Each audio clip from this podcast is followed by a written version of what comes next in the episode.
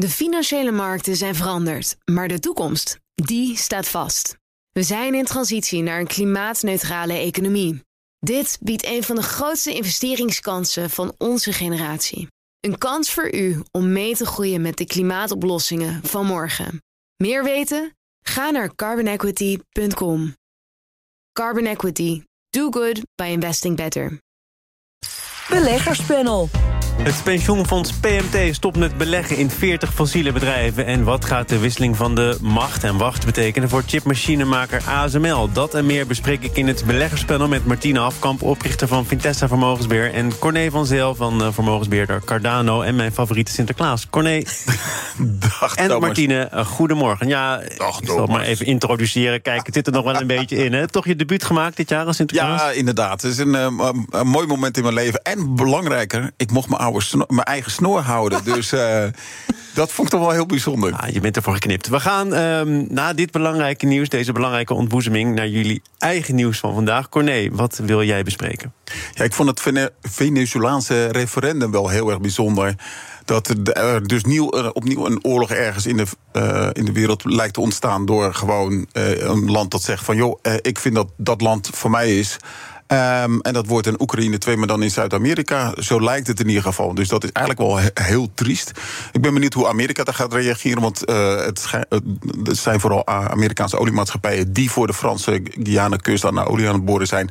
en die dus onder Venezolaans- gezag eh, zouden gaan vallen. Dus ik ben heel benieuwd hoe Amerika daar tegenover gaat. Maar drie oorlogen wordt wel een beetje veel. Referendum geweest, ik geloof eh, 96% van de Venezolanen... die naar de stembus zijn gegaan, vinden het allemaal wel best... en dat er nog een zaak speelt bij het internationaal hof in Den Haag. Geen boodschap aan, hof hoeven we niet te erkennen.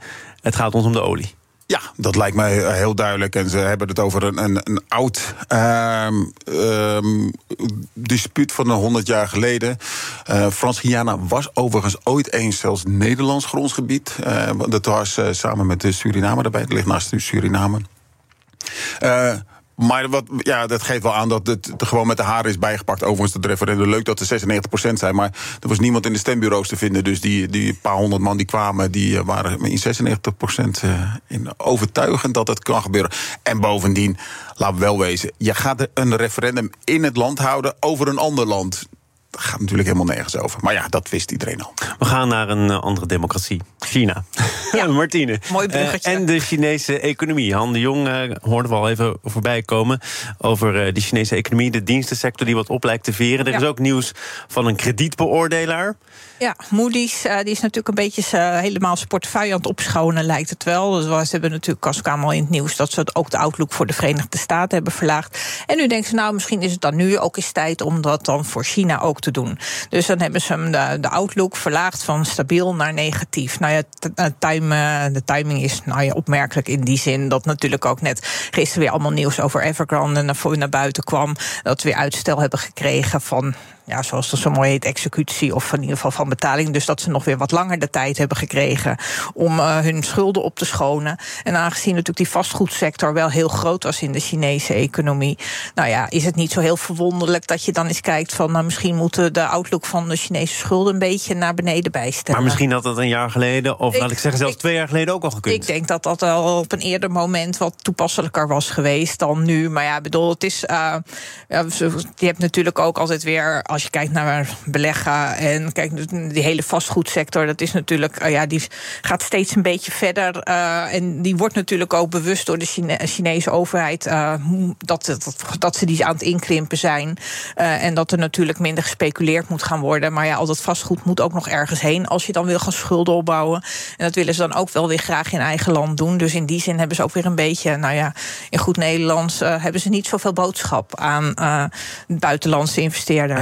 Beleggers er een boodschap aan? Een kredietbeoordelaar die er nu toch eens wat anders naar kijkt dan voorheen het geval was? Wat Eh, verandert dat? Nou ja, in die zin, zeg maar, de creditrating blijft op zich natuurlijk hetzelfde. Dus in die zin verandert er nog niet zoveel. En ik denk in het algemeen waren toch de meeste beleggers zich toch wel bewust van wat er speelt in China. En dat je soms eh, ook wat Chinese cijfers ook wel eens met een korreltje zout moet nemen. Dus ik denk in die zin, het is denk ik meer voor de Chinese overheid, want die komt weer bij elkaar. Want nou, de groei- groeidoelstellingen die zijn op zich natuurlijk wel redelijk, of de verwachting in ieder geval redelijk naar beneden bijgesteld van de Chinese economie. Uh, nou ja, als ze dan weer bij elkaar komen, misschien dat ze dan nog weer eens een potje geld vinden om het toch weer eens te proberen wat verder te stimuleren. Wat uh, niet meer gestimuleerd hoeft te worden, dat is de goudprijs. Die stijgt al weken. Gisteren bereikte die het hoogste niveau ooit. Voornamelijk dankzij een uh, zwakkere dollar. Op de metaalmarkt in Singapore klom de prijs van goud tot 2135 dollar per troy ounce. Dat is een dikke 31 gram.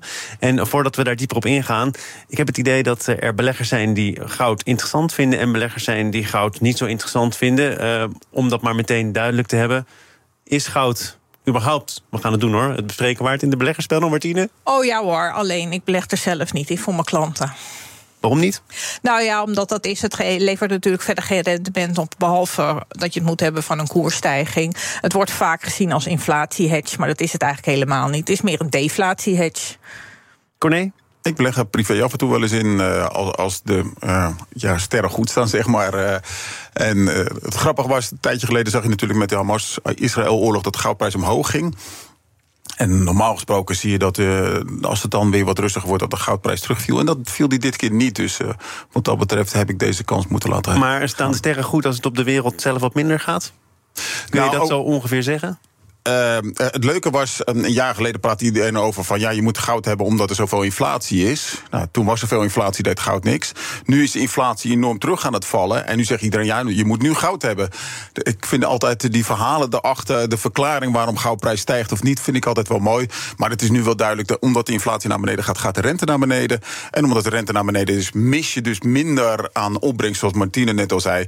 Uh, en dus is het relatief gunstiger om, om goud te kopen. En dat is ik denk de belangrijkste verklaring Naast wel een continu uh, iets wat je ziet, is dat heel veel centrale banken hun goudbelangen aan het, uh, aan het uitbreiden zijn. Dus er is wel een continue vraag daarna. En dat zorgt voor de wat langere termijn trend omhoog. Ja, hoe groot is die factor van die centrale bankiers die goud inkopen? Want dat doen ze volgens mij, grosso modo, altijd wel een beetje. Nou, ze zijn natuurlijk wel een reserves aan het opbouwen. En dat heeft dan ook weer met Rusland te maken. Omdat natuurlijk opeens blijkt dat je wel degelijk afgesneden kan worden van centrale, van centrale betalingssystemen.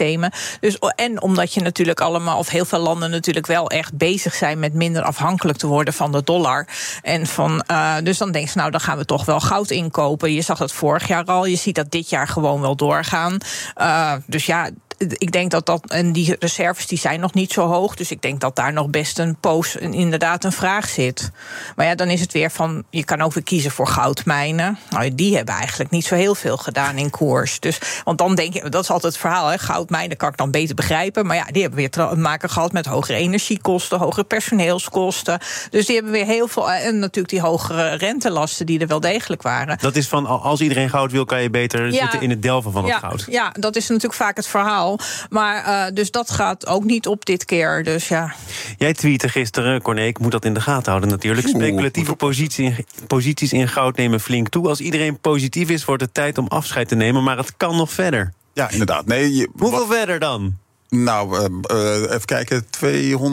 200.000 zitten we nu op als je gaat kijken naar de COMEX. Dat zijn de speculatieve posities, dus in futures. Uh, en dat is gewoon een mooie zeg maar, oscillator die binnen een bandbreedte beweegt. En die was nou ja, een tijdje geleden negatief. Die is flink omhoog gegaan. en als je naar de normale bandbreedte kijkt, kan het, zitten we nog niet op de grens. Uh, maar als we daar zijn, is het wel tijd uh, om te zeggen van oké, iedereen zit nu al long. Uh, er zijn weinig partijen meer aan die kant die nog verder long willen gaan. En dus wat dat betreft is dat dan een mooi moment om eruit te gaan. Dus het, het kan nog wat verder worden opgerekt. En zo weer meer van dat soort sentimentsindicatoren. En als je die allemaal bij elkaar neemt, dan kan je mooi de goudprijs spelen. Ik zie een glimlachende Martine Hafkamp, wel vaker overigens. Maar ja, hoor. volg je deze redenering? Uh, ja, ik volg hem wel, maar ik doe daar nooit zo heel veel mee. Zeg maar, omdat, punt 1, omdat. Oh, bedankt ik, voor je verhaal. ja, dat je het Leuk verhaal. Ja. Bedankt. Ja. Nee, maar ik bedoel meer van. Kijk, ik beleg niet in goud. Um, dus dan is dit meer een soort technische analyse. Daar doe ik überhaupt al niet zo heel veel mee. Voor de langere termijn uh, geloof, uh, geloof ik meer dus in zo'n verhaal van centrale banken die wel geld blijven of goud blijven kopen. maar verder ja, neem ik tot meer te kennis ja, en je zag ook wel natuurlijk weer dat na die hoogste koers, dat de koers ook weer een beetje terugviel. Omdat toen ook er ook wel weer meer mensen zijn die dan denken, net zoals met aandelen, laten we eens een beetje winst nemen. Dus dat zie je ook altijd weer terug. Over centrale banken gesproken, er is natuurlijk nog altijd een strijd gaande tegen de inflatie die nog niet gewonnen is. Ik citeer en Powell en Lagarde, die dat allebei toch meermaals proberen te benadrukken. En tegelijkertijd vechten ze ook tegen de financiële markten, die al uh, in ruime mate ervan overtuigd zijn dat er renteverlagingen volgen in 2024. Corné, nu we toch een beetje aan het analyseren en speculeren zijn op de toekomst, wat denk jij voor 2024? dat de renteverlagingen gaan komen. Maar zeker niet in die mate zoals de financiële markten nu inprijzen. Er zit al een 55% kans op een rentedaling in maart. Als je naar de Fed gaat kijken. En 5,5 renteverlagingen over heel 2004. No way, dat gaat niet gebeuren. Daar durf ik wel een goede fles wijn op te zetten. Want ja, laat wel wezen. Als je net zo'n enorme inflatiehobbel hebt gehad. Het laatste wat je dan moet gaan doen is gelijk gaan, verlagen als de economie een beetje tegen gaat zitten. Terwijl de economie die is oververhit en die moet je gewoon laten afkoelen. Dus daar gaan ze alle tijd voor nemen. Dus het zou me eigenlijk zelfs verbazen als het in het eerste half jaar zou zijn. Houden de financiële markten dan zichzelf voor de gek? Ja, maar dat doen ze eigenlijk al de hele tijd. Ze geloven Paul nooit. En iedere keer laat Paul toch zien dat hij gewoon doorgaat met zijn eigen plan. Ja, en wie niet wil luisteren, die moet maar voelen in zijn portemonnee in dit geval, omdat je dan verliezen maakt. Ja, nou dat. Nee. maar als je gewoon wat verder kijkt, eh, ja, ik denk dat er wel een renteverlaging aan gaat komen. Omdat je natuurlijk ziet dat de lange rente ook wel weer hard afkoelt. Wat je wel ziet is de arbeidsmarkt, dat die in. Want we moeten toch altijd kijken naar de Verenigde Staten, dat die nog steeds heel sterk is. Nou, we krijgen vrijdag weer nieuwe cijfers. Maar ook de groeiverwachting voor het vierde kwartaal, die is nog best wel prima. Dus in die zin. Uh, is de ruimte er wel. Alleen, maar het hoeft nog niet zo. Hè? En dat is, maar dat, klopt wel wat je zegt. Dat natuurlijk al echt het hele jaar nu um, markten eigenlijk niet of steeds minder naar centrale bankiers luisteren. Maar ja, achteraf gezien kan je ook weer zeggen: centrale bankiers hebben toch wel gelijk gehad met dat de inflatie tijdelijk was. Alleen dan is het, je kan discussie hebben over hoe lang tijdelijk is. Dus uh, ja, en ze hebben Kunnen zelf... we die ook nu hebben of uh, nou, niet? Ja. nee? nee, want ik ben het helemaal eens. De, de, de, transitory inflation, dat ging met name over de goederinflatie toen de tijd was, omdat door corona-effecten er heel veel verstoring van vraag en aanbod was. En Paul zei, ja, dat gaat weer over. En dat is ook over. Als je naar de containerprijzen kijkt, die gingen van 1000 naar 5000. En die zijn weer terug op 1000. Dus hij heeft helemaal gelijk gehad wat dat betreft. Alleen kwam er daarna nog een inflatiegolf, maar daar had hij het niet over gehad. Nee, maar dat, daarvan zei hij ook natuurlijk wel weer. Oh, het is toch, want toen gingen ze elkaar, vielen ze een beetje over elkaar heen. Met, nou, het is toch iets minder tijdelijk. En we moeten wel echt uh, flink uh, gaan rente verhogen. En nu, ja, bedoel, het is ook logisch dat het niet in één lijn, rechte lijn naar beneden gaat. En eigenlijk tot nu toe is het, gaat de inflatie natuurlijk bijna nog sneller naar beneden dan dat hij omhoog gegaan is. Maar is het wel goed om ervoor te blijven waarschuwen dat het einde misschien nog niet in zicht is, omdat er toch nog wel een beetje een paar uh, wat, ja, zeg maar, wat uh, stuggere factoren zijn die voor wat langer voor hogere inflatie kunnen zorgen. Zaken doen. Thomas van Zeil. Martine Afkamp en Corné van Zel zijn hier als leden van het beleggerspanel. Chipmachinefabrikant ASML wil Christophe Fouquet benoemen tot nieuwe topman... en opvolger van Peter Wenning als bestuursvoorzitter. Wenning gaat samen met de CTO Martin van der Brink met pensioen in april volgend jaar. Is hij enigszins ergens op een bepaalde manier nog verrassend te noemen als nieuwe topman, Corné? Nou, de rest van de, de, hele raad van bestuur zit zo'n beetje tegen de uh, eh, 60 aan. Uh, en hij is by far de jongste met zijn 50-jarige leeftijd. Dus ik denk, zeker als je kijkt wat, hoe lang Wenning daar gezeten hebt... lijkt me dat een hele logische keuze. Wat dat betreft heeft hij nog een langste periode om te gaan. En hij is ook echt in, in, in, in ASML. Dus wat dat betreft ook de juiste man op de plek persoonlijk vind ik het dan altijd jammer dat het een Fransman is. Maar het zij zo. Het, nee, het, een Nederlandse vrouw, Nederlandse kinderen. Inderdaad. Hij is dus, van dus top tot teen ASML. Dat is bijzaak verder. Uh, het gaat erom dat het bedrijf goed geleid wordt. En of dat nou een Fransman of een Nederlander is, dat is van secundair belang.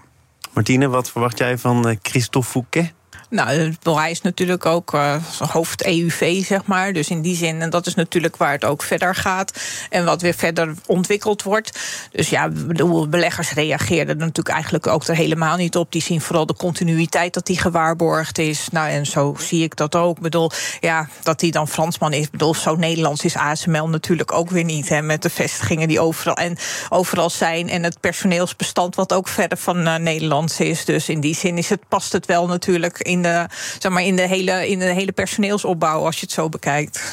We gaan even naar wat Fouquet zelf zei over zijn koers, al dan niet nieuw. Hij was meteen duidelijk. I think there should be no expectation that I will be turning the table. I think what we have been working on for many, many years is still what we want to achieve with ASML. Geen turning tables. Hij houdt dus vast aan wat ASML al jaren doet. Uh, Corné, daar is natuurlijk veel voor te zeggen, want het gaat, gaat ASML ook al jaren voor de wind. Maar is het niet ook een moment om toch eens wat dingen wel aan te pakken of anders te doen? Of uh, met een enigszins frisse blik te kijken naar bestaande procedures? Nou ja, ik denk dat ze daar voortdurend naar kijken. En ik denk dat dat ook een van de redenen is waarom ASML zoveel gekomen is zoals ze zijn. Het mooie ervan vind ik ook dat ze niet naar zijn schoenen lopen. Van god, we hebben nu zo'n beetje. Uh, ja, we zijn bij verre marktleider en niemand kan ons inhalen. Uh, maar ze blijven voortgaan en ze blijven innoveren. En ik denk dat dat eigenlijk de enige manier is om er vooruit te gaan. Dus ik, ik, ik zie niet in wat een, een andere manier van benaderen meer zou kunnen brengen. Dus het was ook logisch dat ASML vermoedelijk niet eens naar buiten heeft gekeken voor een opvolger van Wenning en de CTO. Uh, dat lijkt mij logisch, ook omdat dit eigenlijk wel de geëigende kandidaat was. Hij heeft natuurlijk nog wel te maken met wat uh, thema's waar Wenning zich ook op uh, stuk gebeten heeft. Hè. Wenning heeft al gezegd over die exportrestricties. Wij hebben onze portie wel gehad. Uh, liever een keertje zonder ons. Maar Fouquet moest zich ook wel meteen buigen over die restricties. Tegen de NOS die we willen iedereen bedienen, maar wel binnen de grenzen van wat mag. Dat is al jaren zo en dat blijft zo in de toekomst. Het is niet aan ons om te bepalen wat juist is of niet. Verwacht je dat hij iets actiever zal worden in zijn opstelling of niet? Nou, ze hebben, je hebt niet zoveel actief te zijn, zeg maar. Ze komen allemaal wel, wel langs bij ASML, hoor, de wereldleiders. Uh, want het is natuurlijk een geopolitieke speelbal geworden in die zin. Uh, ze krijgen natuurlijk met exportrestricties naar China hebben ze te maken. Maar ja, bedoel, ze hebben zelf ook lange termijn doelstellingen tot 2030. Dus, uh, en, nou ja, dat, en een orderboek wat ook al jaren gevuld is. Dus in die zin, de vraag naar, naar chipmachines is natuurlijk enorm. Dus in die zin zeggen ze ook zelf: we hebben er nog niet zo heel veel last van.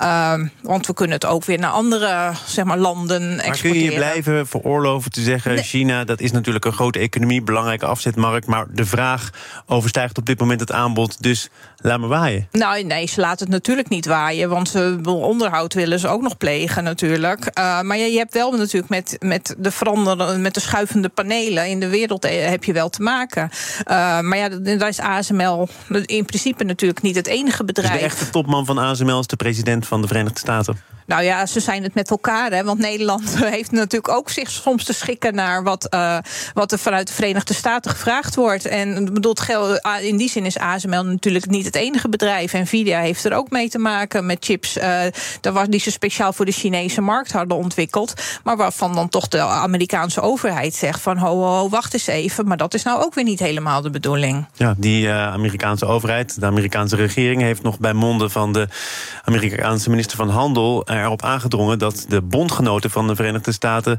strikter gaan controleren op de implementatie van die uh, exportrestricties en de verkoop van chiptechnologie aan China. Want je kunt het wel verbieden direct aan China, maar het is dan ook weer niet de bedoeling dat het via een omweg alsnog in China terechtkomt logischerwijs.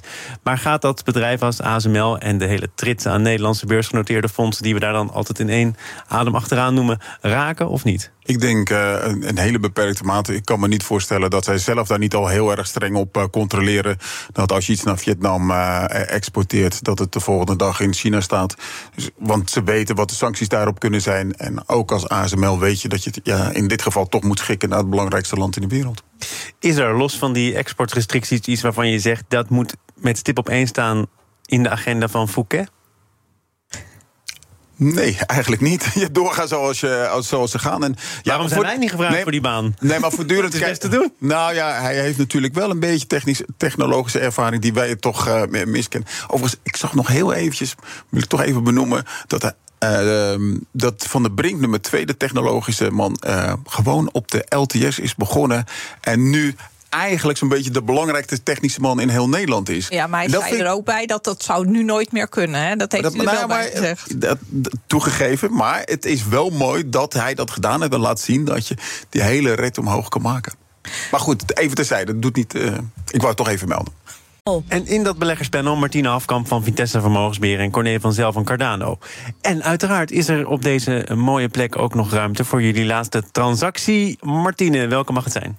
Um, ik heb een poosje geleden LVMH gekocht voor mijn klanten. Dat was toen redelijk in koers afgekomen. Nou, dat, het zijn van die bedrijven. Dat is eigenlijk uh, krijg je daar niet zo vaak de kans voor om te kopen. Want ze zijn vaak nog wat duur en zo.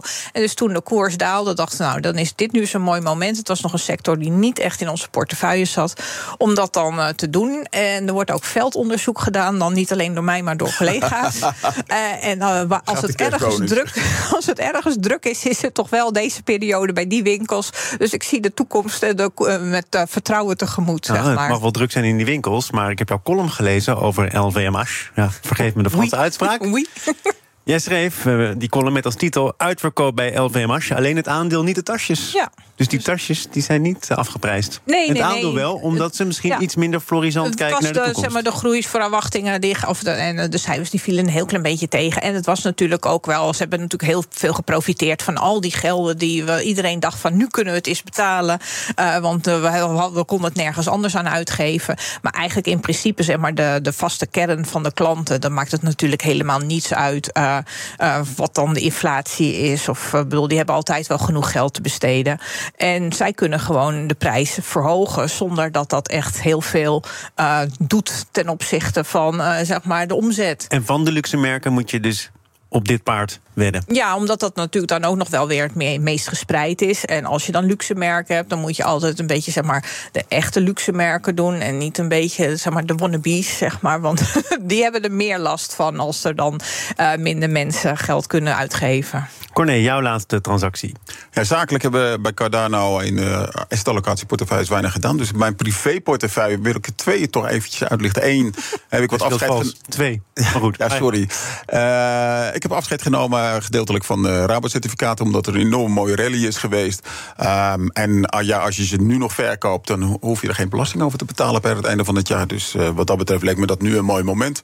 Um, en het tweede heb ik uh, even gekeken naar mijn spaarrekening... en dacht van, goh, ING...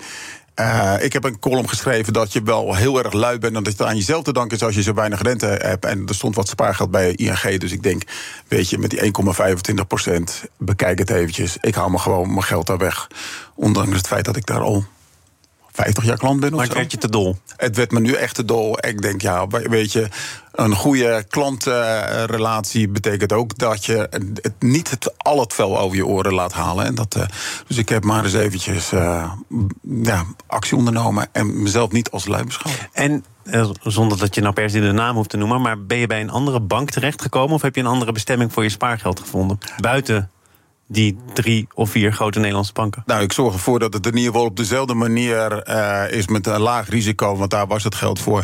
Uh, maar een aanmerkelijk hoger rendement en er zijn voldoende alternatieven. En ik ga daar niks aan aanbevelen, maar ik zou zeggen, kijk zelf even rond en dan kan je genoeg alternatieven vinden. Zeker veel meer dan die 1,25 procent. We gaan naar iets waar je, of je nou wil of niet, geen alternatief voor kunt vinden. Namelijk uh, je pensioenfonds. Pensioenfonds Metaal en Techniek heeft besloten niet langer te investeren in 40 olie- en gasbedrijven. die volgens het fonds onvoldoende duurzaam zijn. En ondanks die stap handhaaft het fonds zijn investeringen in negen andere fossiele bedrijven. waaronder Shell en BP. En dit raakt aan een vrij principiële discussie. Namelijk komt er een moment dat je zegt: uh, we hebben genoeg met elkaar gesproken, het heeft niet opgeleverd wat we wilden, dus wij vertrekken? Of blijf je toch nog kiezen voor de dialoog, het engagement in de hoop dat er wel iets verandert? Corné, wat vind jij in dat opzicht van deze stap? Nou, op zich vind ik het goed dat ze wel in gesprek blijven met een aantal bedrijven waarvan ze denken, daar kunnen we nog wat bereiken in de gesprekken. Ik vind het wel bijzonder dat ze deze bedrijven hebben genomen. Want BP en Shell hebben wij bij Cardano juist. Ja, daar beleggen we niet meer in. Want we denken, daar is geen eer meer te behalen. Want ze gaan juist de verkeerde kant op. Dat komt ook omdat al die duurzame beleggers afscheid hebben genomen van hun aandelen. Dus daar ook niks meer te vertellen hebben. Dus dan kan je ook dat bedrijf niet de goede kant op laten bewegen. Shell en BP worden niet meer teruggefloten op het moment dat ze de verkeerde kant op gaan. Er is niemand meer om te fluiten. Want alle duurzame aandeelhouders hebben hun aandelen al verkocht. Dus op deze uitzondering dan. Dat betekent dat uh, dat pensioenfonds zich mag opmaken voor een uh, zware wedstrijd. Als zij de enige zijn die aan boord blijven. Met ja. een duurzaam motief. Dus ik, daarom vind ik het ook wel bijzonder dat ze juist voor deze bedrijven uh, hebben gekozen. Ja, wat wij hebben bij BP weet ik niet helemaal zeker trouwens hoor, maar Shell weet ik wel zeker. Uh, daar beleggen wij niet in, omdat wij denken, ja, daar, daar valt geen eer meer aan te behalen. Maar zij denken dat blijkbaar wel. Maar goed, uh, ik hoop dat ze goed in de wedstrijd zitten en zet hem op, zou ik zeggen. Wie weet kunnen ze de andere kant nog op. Ik denk, beleg er ook nog gewoon in hoor. Ja, ik dacht ja. wel uh, enige, nou, hoe zou ik het zeggen, verbijstering te zien bij de woorden van Corné. Ja, nou, ik denk dan, uh, bedoel, Noorse staatsfonds, toch ook niet de kleinste belegger van de wereld, zeg maar. Die heeft ook gezegd, als we dan nog wel vertrouwen hebben in bedrijven, dan zijn het bijvoorbeeld BP en Shell. Uh, bedoel, Equinor zit ook in het rijtje waar het pensioenfonds nog wel in blijft beleggen. Ik vind het juist goed dat ze echt gewoon, dat ze niet in één keer ruksigloos alles eruit hebben gegooid. Maar gewoon ook kijken van wat zijn bedrijven die er wel degelijk mee bezig zijn. En je kan van alles vinden van het tempo waarin het gebeurt. Maar uh, ik denk dat er wel degelijk initiatieven zijn. Uh, dat, dat ook Shell laat zien natuurlijk dat het wel die kant op gaat. Alleen ja, het gaat niet zo snel. Maar is, is, heeft Shell de ambities uh, op het duurzame vlak teruggeschroefd? Ja. Nog een beetje de teneur onder de nieuwe topman? Ja. Of een demarrage ingezet? Nou, het, is, het zal dubbel zijn. Aan de ene kant hebben ze natuurlijk gezegd... van we gaan veel meer op aandeelhouderswaarde uh, sturen. Omdat we, als je kijkt naar de Verenigde Staten... en die oliebedrijven daar, die zijn nou ja, veel duurder. Uh, dus ja, dan moet je daar ook een beetje aan meedoen. Maar aan de andere kant, het is gewoon heel simpel. Als je naar de toekomst kijkt... en gewoon ook een bestendig businessmodel wil hebben... dan moet je wel degelijk meegaan... en moet je wel die beweging maken. Uh, alleen wat natuurlijk altijd de hele discussie is bij die energietransities, dat je die fossiele brandstoffen heel erg nodig hebt. Bijvoorbeeld waterstof, dat is alleen maar een energiedrager. Uh, uh, als je het kijkt naar windmolens, nou die moeten er toch ook nog komen met beton. En uh, er is ook nog staal voor nodig. En hetzelfde geldt natuurlijk voor zonnepanelen. Er zijn ook nog allemaal. de hele, hele energietransitie draait wel op fossiele brandstoffen. Maar zijn er mensen die dat ontkennen? Nou ja, maar daarom heb je ze wel nodig. Ik bedoel, het is alleen het tempo waarin je dat wil doen. Maar je, ziet nu ook dat het allemaal wel een beetje piept en kraakt. En dat er natuurlijk ook, uh, als je dan in die groene transitie zit, dat dat ook dit jaar niet de meest gunstige beleggingssectoren zijn geweest, zeg maar.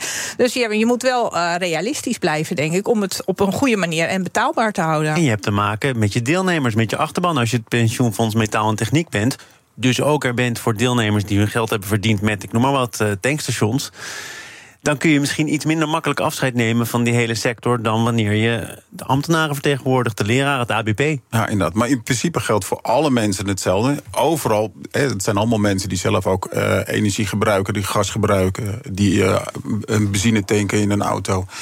Um, en dan denk ik ook, wat ja, probeer zoveel mogelijk een beetje eh, normaal te denken over die transitie. Die transitie is een lange periode.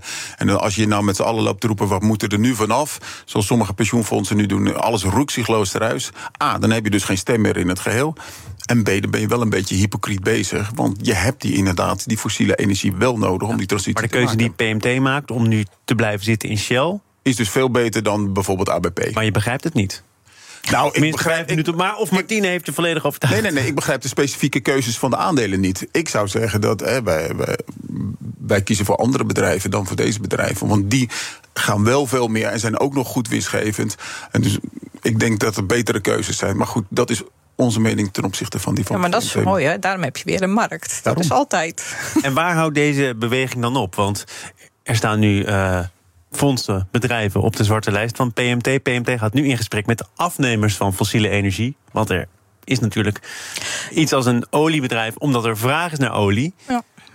Dus dat is dan de volgende etappe. Ja, ja, dat is ook zo. Maar je kan ook weer verder kijken. Als je dan hebt over die afnemers van olie en over dat tanken van ons. Zeg maar, die benzineauto's die zijn ook al honderd keer schoner dan dat ze waren. Uh, dus in die zin is er ook heel veel te verdienen natuurlijk. Dat er veel efficiënter met bepaalde grondstoffen omgegaan kan worden. Maar met ons hele leven, uh, alles waar, bij heel veel waar we, alles wat hier om ons heen is, komt op de een of andere manier toch uit die fossiele sector uh, tevoorschijn. Dus ja, je, het is gewoon, het is een lange weg die je moet gaan. Ja, totdat je tot het inzicht zou moeten komen dat uh, dit ook een stranded asset is en het een risico wordt om daarin te blijven zitten, Corné. Ja, maar.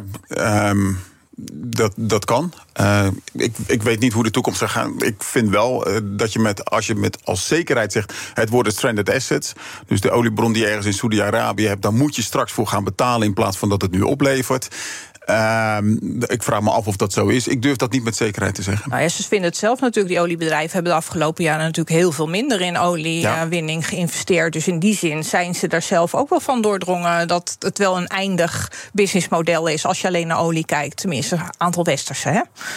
Ik uh, dank jullie voor dit uh, beleggerspanel. Martina Afkamp van Vitesse Vermogensbeheer en Corné van Zel van Cardano. Tot een Beleggerspanel wordt mede mogelijk gemaakt door Annexum. Al meer dan 20 jaar de aanbieder van vastgoedfondsen. Longtermisme, daarover gaat het uh, volgende ongevraagde advies. Dat is een stroming die het belang van toekomstige... De financiële markten zijn veranderd, maar de toekomst, die staat vast. We zijn in transitie naar een klimaatneutrale economie.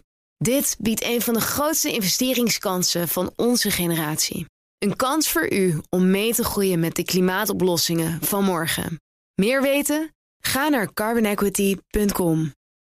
Carbon Equity. Do good by investing better.